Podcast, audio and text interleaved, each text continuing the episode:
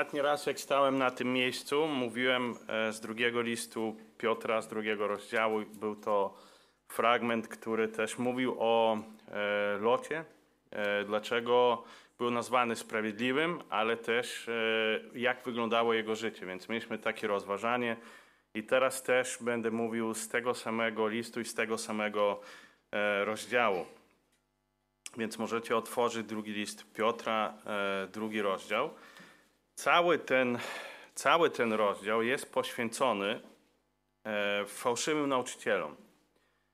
Widzimy, że tutaj apostoł Piotr bardzo dużo uwagi poświęca na wytłumaczenie problemu, opisanie, kim oni są, co robią, co ich motywuje, do kogo uderzają, dlaczego ci ludzie reagują i z czym przychodzą i czego ludzie pragną. Więc on opisuje cały mechanizm.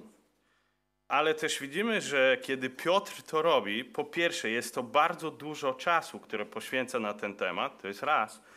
A dwa, e, nie mówi o tym w sposób neutralny. Jeżeli spojrzymy na to, jaki język jest użyty, jakich słów używa, jakich zwrotów używa, widzimy, że ma bardzo osobisty do tego stosunek. To jest raz.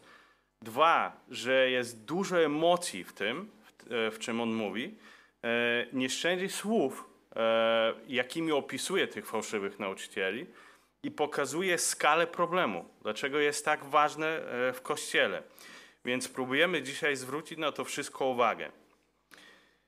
I teraz e, każdy starszy pastor, nauczyciel powinien zwracać taką samą uwagę na ten temat.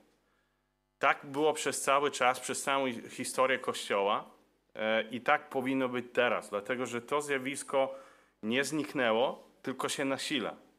E, Było, jakiś, było przez całą historię e, Kościoła i jest też teraz i jest bardzo niebezpieczne. Nie możemy tego ignorować, musimy dobrze to rozumieć, ale nie tylko jako osoby, które prowadzą Kościół, ale też każdy człowiek, który w nim jest. Powinien być w stanie rozróżnić, co jest właściwą nauką, a co nie jest, za czym idzie, a za czym nie idzie, co jest dla niego dobre i pożyteczne, a co jest zgubne i trujące. E, W swojej książce Packer, e, książka, która się nazywa A Quest for Godliness, e, nie, wiem, czy jest polski tytuł, czy jest przetłumaczony na polski język. W niej odnosi się do Purytan i w jednym miejscu pisze takie słowa. Pastorzy, jak twierdzą Purytanie, e, to jest cytat, są odpowiedzialni za niszczenie herezji i obronę prawdy, aby ich stada nie zostały wprowadzone w błąd, a przez to osłabione. Prawda Bożego Słowa daje prawdziwe życie, ludzki błąd zabija. Zatem pasterze dusz muszą bronić zdrowej nauki za wszelką cenę. E, I dalej też w tej samej książce on cytuje jednego z Purytan, Johna Owena, który jest bardzo znany. I to jest cytat. Na pasterzach spoczywa obowiązek zachowania prawdy Ewangelii i doktryny biblijnej przyjętej i wyznawanej w Kościele oraz jej obrona przez wszelkim atakiem. Jest to jeden z zasadniczych celów służby. A grzeszne zaniedbanie tego obowiązku jest tym, co było przyczyną większości zgubnych herezji i błędów, które opanowały i zniszczyły Kościół. Ci, których obowiązkiem było zachowanie w całości prawdy Ewangelii i jej publicznego wyznawania, wielu z nich mu, e, mówiło przewrotne rzeczy, aby później ociągnąć uczniów. Biskupi, prezbiterzy, nauczyciele byli przywódcami głoszącymi herezję. Dlatego też należy w szczególny sposób zwracać uwagę na ten aspekt służby, zwłaszcza w obecnych czasach, gdy podstawowe prawdy Ewangelii są ze wsze- ze wszelkich stron kwestionowane przez wszelkiego rodzaju przeciwników. E, Więc to, to nie jest nowe zjawisko, skoro on mówił, że w tamtych czasach, Owen pisał, że to było e, bardzo istotne i bardzo silne i bardzo rozpowszechnione, tym bardziej jest to teraz. E, I taką samą postawę e, powinno się mieć w stosunku do tego tematu. Na samym początku chcę użyć pewnej analogii, która nam może pomóc dobrze rozumieć, jaki powinien być nasz stosunek do tego tematu. I chcę dać pewną ilustrację. E, Chcę porównać to, w jaki sposób e, podchodzimy do Bożego Słowa i prawdy Bożego Słowa, do tego, w jaki sposób podchodzimy do jedzenia albo odżywiania. To jest coś, co bardzo dobrze rozumiemy. E, bardzo, kilka bardzo ciekawych faktów. E, coraz bardziej wzrasta świadomość tego wśród ludzi, że zdrowe odżywianie i zdrowy tryb życia jest bardzo istotny. Dlatego, że jeżeli ludzie się zdrowo odżywiają i pilnują tego e, w sposób systematyczny, to jakość ich życia jest lepsza. A wiadomo, że człowiekowi zależy na tym, żeby czuć się zdrowszym i żeby mieć lepszą jakość życia. To jest normalne, nic złego w tym nie ma. Ciekawym faktem jest to, że ta świadomość wzrosła radykalnie w okresie pandemii, czyli statystyki to pokazują. Z jakiegoś powodu okres pandemii, który, jest, e, który był na całym świecie, e, pokazał, e, jak ważny jest temat właśnie odporności organizmu i jaką rolę odgrywa styl życia i zdrowe odżywianie. Więc od tego momentu firmy obserwują znaczący skok w świadomości ludzi, jak ważny to jest temat, a co za tym idzie, na co ludzie wydają pieniądze coraz więcej e, środków jest poświęcanych dokładnie na to. Czyli na przykład e, badania, które przeprowadza firma Deloitte e, w krajach Europy Zachodniej, pokazuje, że w ostatnich latach, pomimo rosnącej inflacji, 84% ludzi stawia na zdrową żywność. To jest, to jest dużo. Rozumiem, że mówimy o krajach Europy Zachodniej i w krajach biedniejszych te trendy są inne, ale jest to jakiś trend, który pokazuje, e, gdzie jest świadomość człowieka. Z tych 84%, e, który, e, o których wspomniałem, 55% ludzi są gotowi płacić dużo więcej za jedzenie, dlatego że widzą przełożenie na swoje codzienne życie, na jakość swojego codziennego życia. W Stanach Zjednoczonych rynek suplementów, czyli tych dodatków, które powiedzmy minerałów, e, witamin i tak dalej, suplementów ogólnie, e, jest oceniany na prawie 200 miliardów rocznie. Czyli jest to ogromny kawałek biznesu, który e, inwestują firmy. I średnio jest oceniane, że co roku przez najbliższe ileś lat ten wzrost będzie 10-15%. E, rozumiem, że to są pewne dane i statystyki, które mogą nie do końca mówić, czy to jest mało, czy to jest dużo, czy tak zawsze było, czy to tylko w ostatnich latach. Fakt jest taki, że rośnie świadomość ludzi tego, że zdrowe odżywianie jest istotne, że jedzenie ma znaczenie, to w jaki sposób funkcjonujemy ma znaczenie e, i ludzie głosują za tym swoimi pieniędzmi, czyli pokazują, że tak faktycznie jest. Rozumieją i coś dalej z tym robią. Jeżeli spojrzymy też na sportowców, e, kolejna ciekawa rzecz, e, zobaczymy, że dzisiaj sportowcy kończą karierę dużo później niż to było jakiś czas temu. Skąd to wynika? Dokładnie ten sam temat. Dlatego, że inwestują w zrozumienie tego, co, co powoduje, że organizm jest w stanie funkcjonować sprawniej i dłużej E, I, I, jednym z głównych tematów, które oni wszyscy mówią, to jest jakość jedzenia. To jest bardzo ciekawe. Więc jest, jest zależność pomiędzy tym, e, co człowiek spożywa, nasze ciało, i jak to ciało funkcjonuje. I teraz e, kolejna i ostatnia ciekawostka na ten, na ten temat. Kiedy byłem w ubiegłym roku w Monako, zaobserwowałem taką rzecz. Mi się wydawało, E, że przeważnie wszyscy ludzie, których tam widzę, są w bardzo dobrej formie fizycznej. E, ale to jest tylko obserwacja, która to nie są dane statystyczne. To jestem ja, który widzi i obserwuje. E, ale wróciłem do domu i przeczytałem o tym, jak, jak żyją ludzie w Monako. Się okazuje, że w Monako na naszej planecie jest najdłuższa średnia życia. To jest prawie 90 lat. Czyli znowu, to są kolejne fakty, które pokazują, że jest świadomość ludzi co do tego, jest zależność pomiędzy jedzeniem, stylem życia i jakością tego życia. E, I ludzie, którzy są w stanie sobie na to pozwolić, mocno w to inwestują. I teraz, dlaczego o tym mówię? E, dokładnie w ten sam sposób jak ludzie rozumieją, jako, jakie znaczenie ma jedzenie, inwestują w to, o ile ważniejszą rzeczą jest nasza dusza. Dlatego, że ciało kiedyś umrze, mimo że jest nam potrzebne w zdrowym, e, jeżeli jest to możliwe, stanie przez okres życia. Jesteśmy sprawniejsi, więcej możemy osiągnąć, jeżeli Pan Bóg pozwoli na to, e, ale z drugiej strony nasza dusza jest wieczna. Więc to, co mówi Piotr, to jest to, że Boże Słowo i prawda Bożego Słowa karmi naszą duszę. Więc jeżeli, ludzie mają taką świadomość tego, że pokarm fizyczny ma takie znaczenie dla naszego ciała, to im bardziej człowiek wierzący, który ma świadomość życia wiecznego, powinien dbać o to, co trafia do jego głowy i do jego serca i co karmi jego duszę. Dlatego, że od tego będzie zależało jakość jego e, duchowego wzrostu.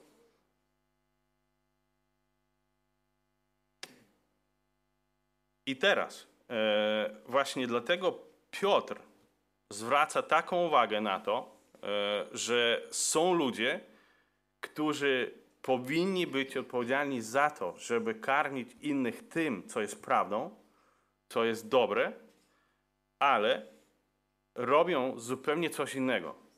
Dają ludziom coś, co jest fałszywe, co jest trucizną i co niszczy ich duchowe życie. Więc e, jeżeli, e, e, jeżeli zaczniemy czytać ten, ten drugi list i drugi rozdział Piotra, chcę, żebyśmy zwrócili uwagę na werset dziesiąty.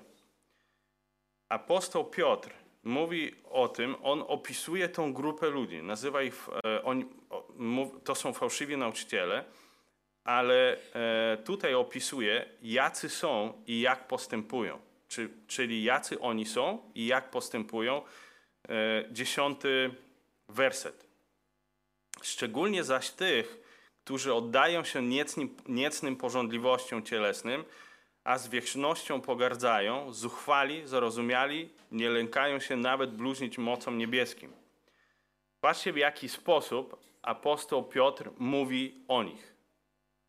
Ma w stosunku do nich pewne określenia i opisuje ich postępowanie, czyli jacy są w swoim sercu, w swojej postawie, jaki jest ich charakter, prawdopodobnie ukształtowany poprzez ich system wartości, i teraz jaki jest zewnętrzny przejaw tego, jacy oni są. E, więc on mówi, że oni są arogancy, są bezczelni, są zarozumiali. Tak opisuje ich charakter, ich osobowość. I ilustruje, ilustruje to tym faktem, że z łatwością znieważają istoty anielskie. Czyli rozumieją, że jest ktoś, kto jest wyższy od nich, ale mają taką postawę arogancji i znieważania istot, które są wyższe od nich. To jest fakt, że mówimy o aniołach upadłych, mówimy o kimś, kto jest zły w oczach Boga, Niemniej jednak dalej jest napisane w jedenastym wersecie, chociaż aniołowie siłą i mocą są więksi od nich, nie wydają na nich przed Panem wyroku potępienia. Czyli jest porównanie. Z jednej strony mamy ludzi, którzy są na tyle aroganccy, na tyle zarozumiali, na tyle bezczelni, że z łatwością to robią, potępiają kogoś, e, kto jest od nich wyższy, mimo że aniołowie którzy są od nich wyżsi, też tego nie robią. Więc mamy ich postawę jako ludzi aroganckich, bezczelnych i zrozumiałych. Dalej widzimy od wersetu 13, e, jaki jest zewnętrzny przejaw tej postawy. Co o nich wiemy, jak oni żyją, co oni robią. Oddawanie się w dzień rozpuście uważają za rozkosz, a gdy współbiesiadują z wami, są zakałą i hańbą, ponieważ narzucają się w swoich, ponieważ nurzają się w swoich porządliwościach, oczy ich wypatrują tylko cudzołożnic i, gdy, i nigdy nie dość grzechu. Nęcą dusze słabe, serca mają wyćwiczone chciwości, synowie przekleństwa. Niesamowite w ogóle, w jaki sposób apostoł Piotr o nich mówi. E, można by powiedzieć, że Dzisiaj by ktoś zarzucał mu, że nie jest poprawny politycznie. Nawet jeżeli widzi taką postawę, to powinien być bardziej łagodny w tym, jak on się wyraża. Ale apostoł Piotr w ogóle nie jest łagodny w tym, jak się wyraża. On dokładnie nazywa rzeczy po imieniu. Opisuje postawę tych ludzi, to w jaki sposób oni funkcjonują i patrzcie, co on mówi. E, rozkoszowanie się w ciągu dnia uważają za przyjemność. Oznacza to, że ci ludzie publicznie robią coś, co jest niegodziwe. Nie to, że robią to w sposób e, schowany przed innymi. Robią złe rzeczy, robią życie niegodziwe, prowadzą życie niegodziwe i robią to publicznie. Nawet nie mają problemu z tym, żeby pokazać to e, publicznie e, wszystkim innym. Werset 14 pokazuje też ich serce i nawyki. E, oczy ich wypatrują tylko cudzołożnic i nigdy im nie dość grzechu. Czyli znowu to, co mówi Piotr, mówi coś takiego, że każdą, każda kobieta, którą widzą, na którą patrzą, staje się ich obiektem seksualnych fantazji.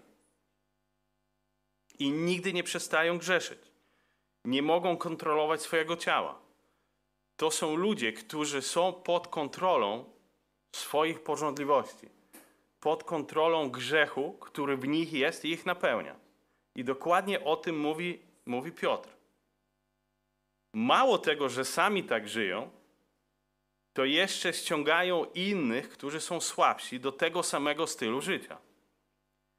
E, jest napisane o kobietach, tak? że, że chcą usilić takie kobiety, i dalej mówi, że słabe dusze. E, I człowiek może być słaby z wielu powodów. Może być słaby dlatego, że przechodzi przez jakiś okres. Może być słaby dlatego, że jest dopiero co nawrócony więc, więc to są ludzie, którzy dokładnie wiedzą, kto może być ich ofiarą. Czują to, rozumieją to i takich ludzi atakują. Sami żyją w taki sposób, ale z takim samym grzechem przychodzą do innych i ściągają do tego, do tego stylu życia, który e, sami mają. Apostoł Piotr dalej tłumaczy, że oni tacy są, taką mają osobowość, nie kryją się z tym, atakują innych, widzą słabych, czują, kiedy człowiek ma taki okres w życiu i przychodzą do niego wtedy, ściągają, to, ściągają go do, do swoich praktyk, ale co nimi kieruje? Co nimi kieruje? Jaka jest ich główna motywacja? Każdy człowiek ma jakąś motywację. Jedni mają dobrą, e, drudzy mają złą, więc jaka jest ich motywacja? Wersety 15 i 16 opuściwszy drogę prostą, zbłądzili i wstąpili na drogę Balaama, syna Beora, który ukochał zapłatę za czyny nieprawe, lecz został zganiony za swoją nieprawość, nieme bydle juczne, przemówiwszy głosem ludzkim, zapobiegło nieroz, nierozumnemu postępkowi e, proroka. Więc co na podstawie tych wersetów jest ich główną motywacją? I główną motywacją jest osobisty zysk i chciwość. Apostoł Piotr mówi o, o tym w sposób bardzo wyraźny i podaje przykład ze Starego Testamentu. Właśnie często e, nam się wydaje, że nie do końca rozumiemy motywacji ludzi, nie jesteśmy w stanie wytłumaczyć czego. Rzeczy w życiu są o wiele prostsze niż nam często się wydaje. One są bardzo pragmatyczne. E, bardzo rzadko chodzi o coś, co jest tajemnicą, coś, co nieodkryte, niejasne, nawet kiedy ludzie mówią, że, że tak jest. E, przeważnie ludzie zawsze wiedzą, o co im chodzi. Przeważnie motywacja ludzi jest zawsze, zawsze określona, tylko że może nie zawsze ujawniona. I tutaj apostoł Piotr dokładnie mówi, co jest ich motywacją, co nimi kieruje, na czym im najbardziej zależy, o co im chodzi. Chodzi o pieniądze, Chodzi o osobisty zysk i ich osobistą e, chciwość. Piotr przypomina historię ze Starego Testamentu, e, właśnie żeby pokazać, co jest tą motywacją i daje przykład. Ilustracja jest zawsze czymś, co pomaga nam zrozumieć. Więc dokładnie to samo ro, robi, robi Piotr. I patrzcie, w jaki sposób on mówi. Opuściwszy drogę prostą, albo właściwą drogę, to jest pewna metafora. Czym jest droga prosta? Czym jest e, właściwa droga? E, Boże Słowo, Stary Testament, Nowy Testament mówi o tym, że właściwa droga albo właściwa ścieżka to jest droga, która prowadzi nas do posłuszeństwa Bogu. To jest to, w jaki sposób określa Boże Słowo tą właściwą drogę. Jest jedna właściwa droga i to jest droga posłuszeństwa Bogu. Jego Słowu, temu, co On mówi. E, I teraz jest napisane, że oni porzucili tą drogę. Zbłądzili. E, ciekawe jest to, e, że słowo zbłądzili nie oznacza, że człowiek szukał czegoś, co jest dobre, przed dobrą drogą i później w jakiś taki sposób niezrozumiały gdzieś tam zboczył. I to nie jest jego wina. Po prostu czegoś nie zauważył i poszedł inną boczną drogą. Słowo, które jest tutaj użyte, zbłądzili, on mówi o świadomym zejściu z właściwej drogi. To jest coś, czego oni świadomie pragną. Wiedzą, jaka jest właściwa droga, znają właściwą drogę, wiedzą, czego oczekuje Bóg, doświadczyli tego ale w świadomy sposób podejmują decyzję, żeby z tej drogi zejść, zboczyć i iść inną drogą, która dla nich jest bardziej korzystna. A motywację wiemy.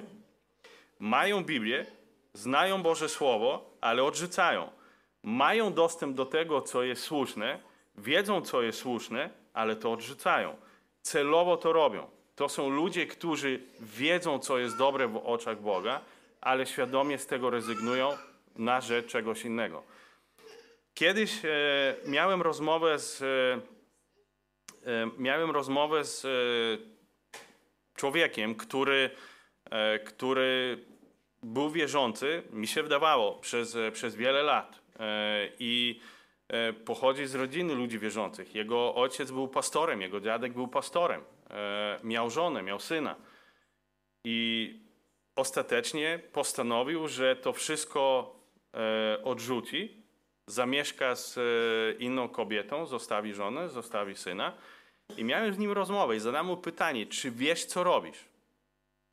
I byłem zszokowany, że on mówi, że dokładnie wiem, co robię i dokładnie wiem, że Bóg kiedyś mnie za to ukaże. Niemniej jednak ta droga dla mnie teraz jest tym, co chcę robić. Podobnie ci ludzie mają świadomość tego, ale pragnienie grzechu jest w nich silniejsze i wybierają tą drogę w sposób świadomy.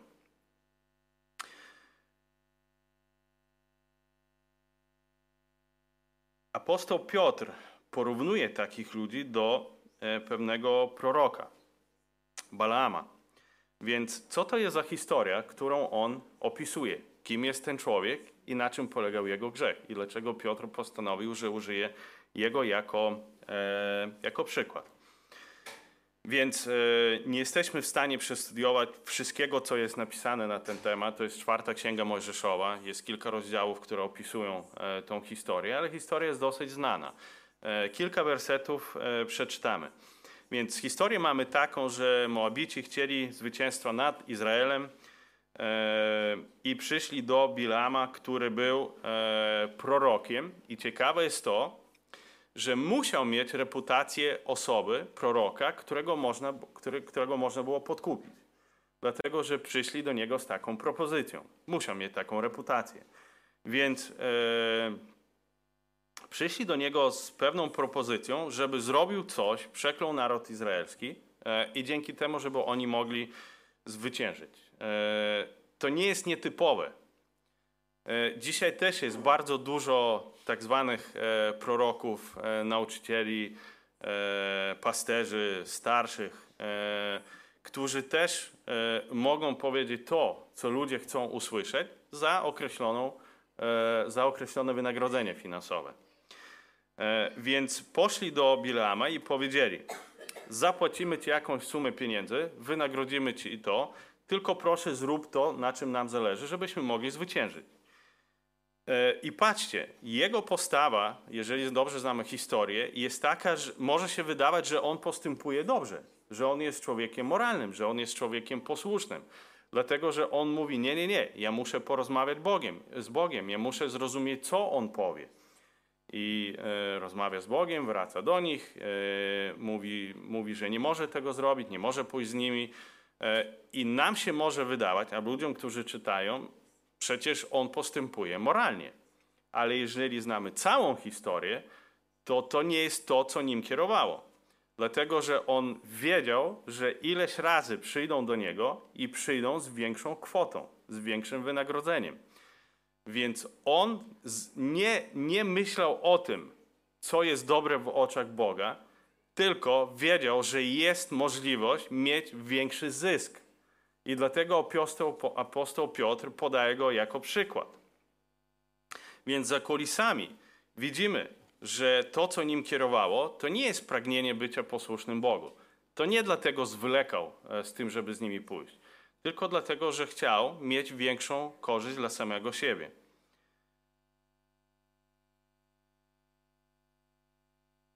W rozdziale, w 23 rozdziale księgi, mm, w piątej księgi Mojżeszowej, mm, piąty i szósty rozdział, czytamy przepraszam, piąty i szósty wersety, 23 rozdział, czytamy takie słowa.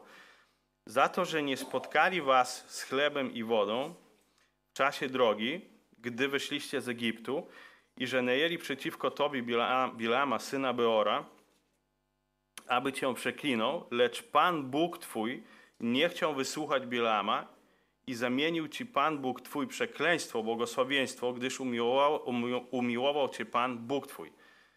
To jest dokładnie jeszcze raz e, ta historia, że to Pan Bóg spowodował, że Bilam nie zrobił tego, co chciał zrobić.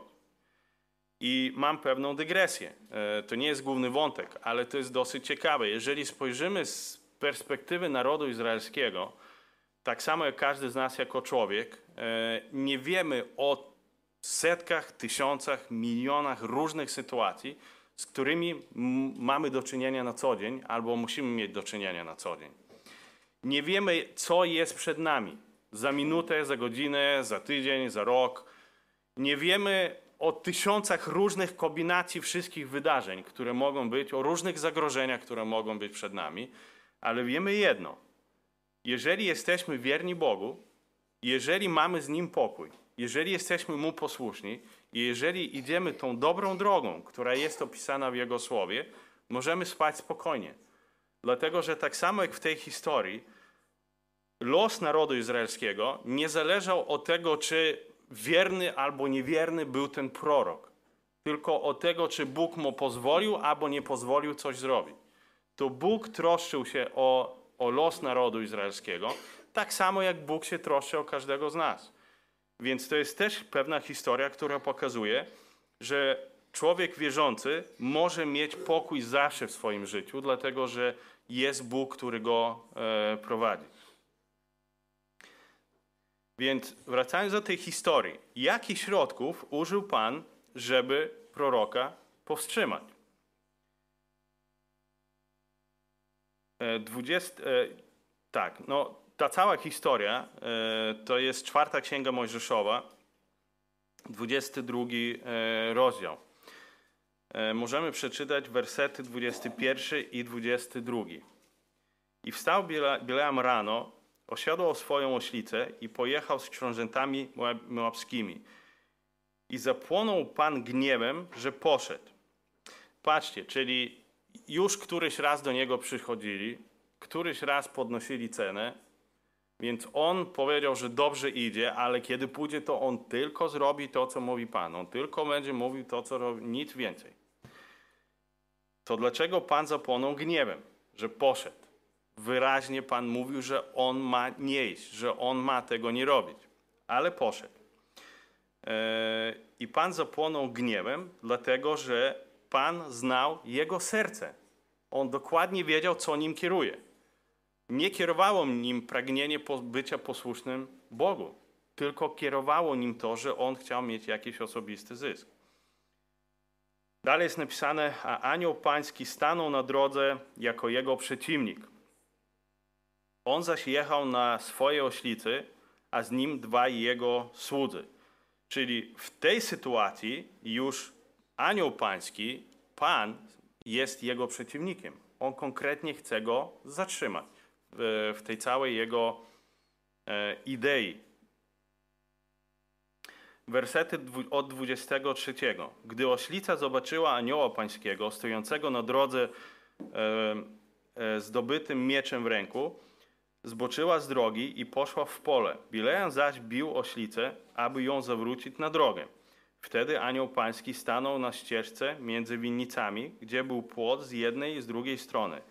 Gdy oślica, zobaczywszy anioła pańskiego, przycisnęła się do muru, przygniotła do muru nogę Bileama, a on bił ją znowu. Anioł pański zaś poszedł dalej i stanął w miejscu tak ciasnym, że nie było można go pominąć ani w prawo, ani w lewo.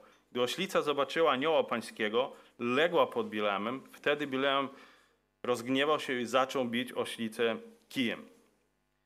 Jest niesamowita historia, wręcz absurdalna. E, widzimy, jak daleko musi się posunąć Pan Bóg, e, konkretnie w tej sytuacji anioł pański, żeby zatrzymać e, Bilama, jeżeli chodzi o jego zamiary. E, posługuje się tym, że, że oślica widzi e, anioła pańskiego, on nie widzi. Ona rozumie więcej niż on.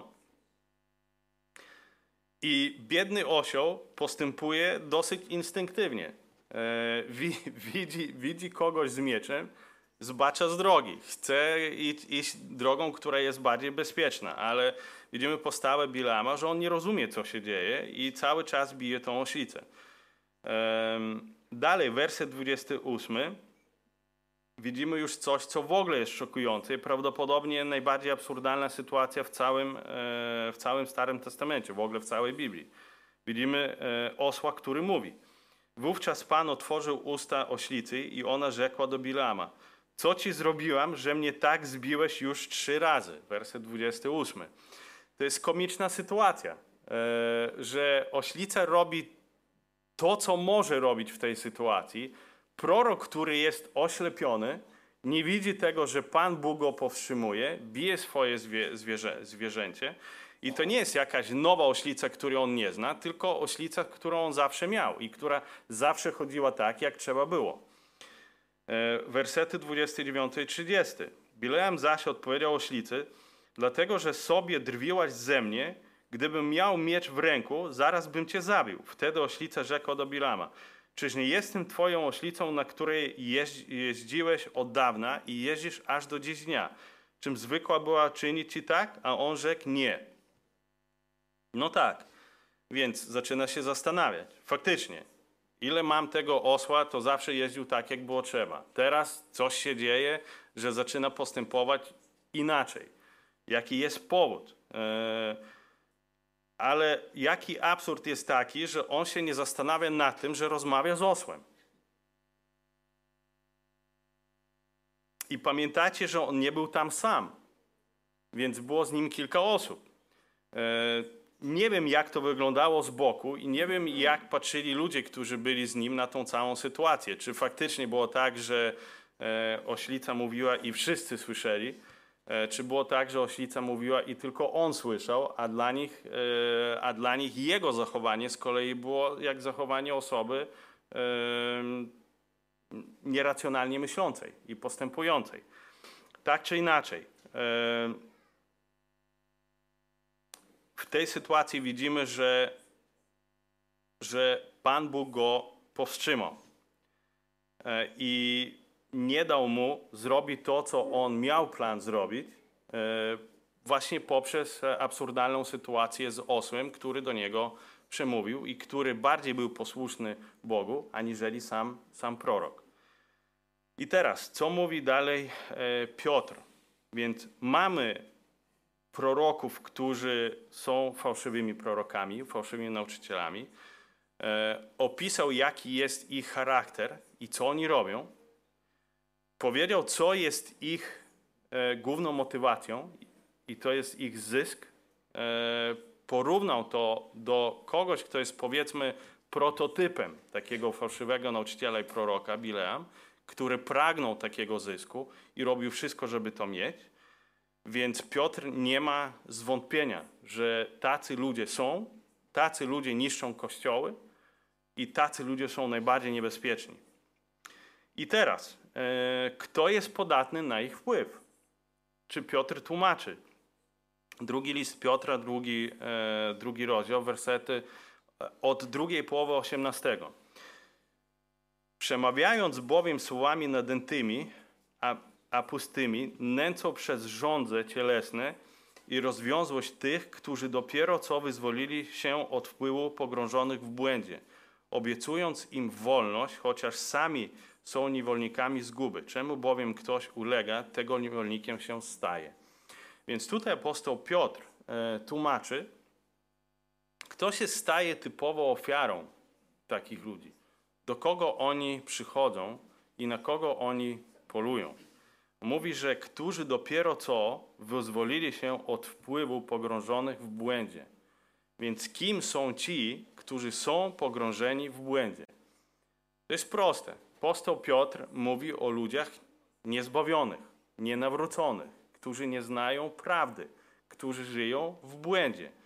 Więc oni przychodzą do tych, którzy dopiero co wyzwolili się od tych, którzy żyją w błędzie, czyli do nowo nawróconych, nowo nawróconych ludzi.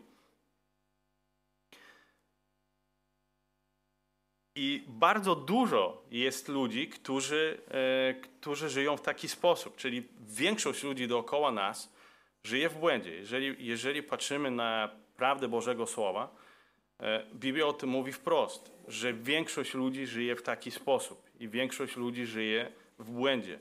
I tylko człowiek, który zna e, Boże Słowo i postępuje zgodnie z tym Słowem, zna prawdę i postępuje zgodnie z prawdą i tylko Boże Słowo jest prawdą. Więc ludzie dookoła nas przeważnie żyją w błędzie. E, I wiemy, że ludzie bardzo często szukają prawdy, świadomy czy, świadomy czy nieświadomy sposób. E, nie mogę powiedzieć ile, większość, połowa, mniejszość, ale każdy z nas widzi, że jest cała masa osób, która rozumie, że mają jakiś problem w życiu, że są przez coś zniewoleni, że chcą mieć wolność, że chcą się wyzwolić od jakiegoś grzechu, od jakiegoś zła, że chcą poukładać swoje życie, albo osobiste, albo życie rodzinne. Mają problemy w pracy, mają problemy w relacjach, mają problemy z rodzicami, mają problemy z samymi sobą. I ludzie mają pragnienie tego, żeby coś z tym życiem zrobić.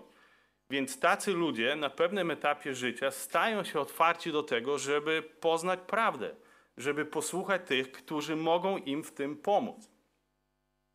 I problem polega na tym, że często na ich drodze stają ci, którzy ich prowadzą w zupełnie złą stronę. I to są fałszywi nauczyciele. Dalej jest napisane, że obiecują im wolność. I to jest prawdopodobnie największą potrzebą człowieka. Człowiek chce być wolny. On chce być wolny od grzechu. On chce być wolny od tego niewolnictwa samego siebie, od swoich problemów, e, z czym nie może sobie poradzić. Mimo, mimo że ludzie tego nie mówią, ale jeżeli spojrzymy wszędzie dookoła, jeżeli człowiek jest szczery, on mówi, że on ma problem ze sobą. On nie może sobie poradzić z tym i z tym. I ludzie szukają tego na wszelkie możliwe sposoby w różnych miejscach, często w różnych religiach. I tu przychodzą z pomocą fałszywi nauczyciele, którzy obiecują im wolność. Tylko, że apostoł Piotr mówi, że obiecują wolność, której sami nie mają, której sami nie znają. Obiecują coś, czego nie posiadają.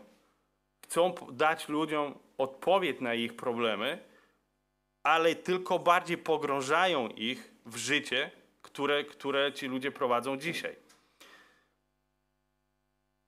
E, kiedy właśnie ostatnio też byłem e, w Brazylii, muszę powiedzieć, że byłem bardzo zaskoczony, mm, dlatego że się nie przyłożyłem i nie przestudiowałem, do jakiego kraju e, lecę, ale będąc tam, wiedziałem, że to jest kraj bardzo religijny.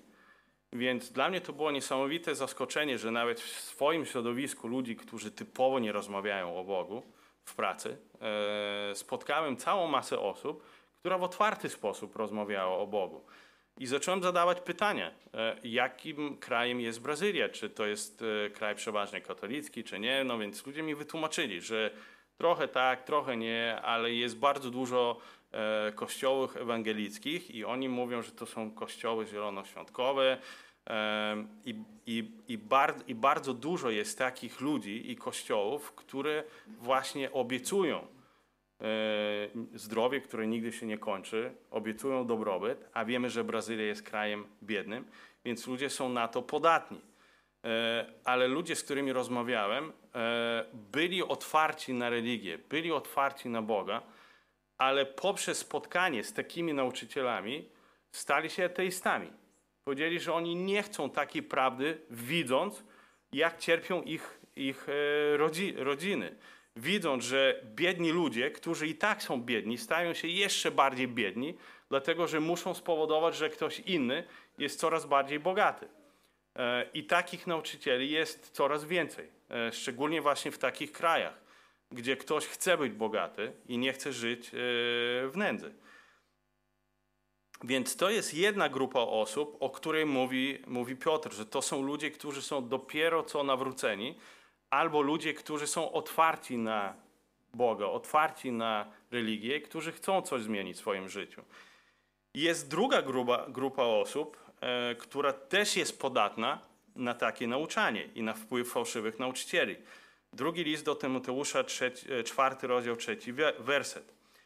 Albowiem przyjdzie czas, że zdrowej nauki nie ścierpią, ale według swoich upodobań nazbierają sobie nauczycieli żądni tego, co ucho łechcze.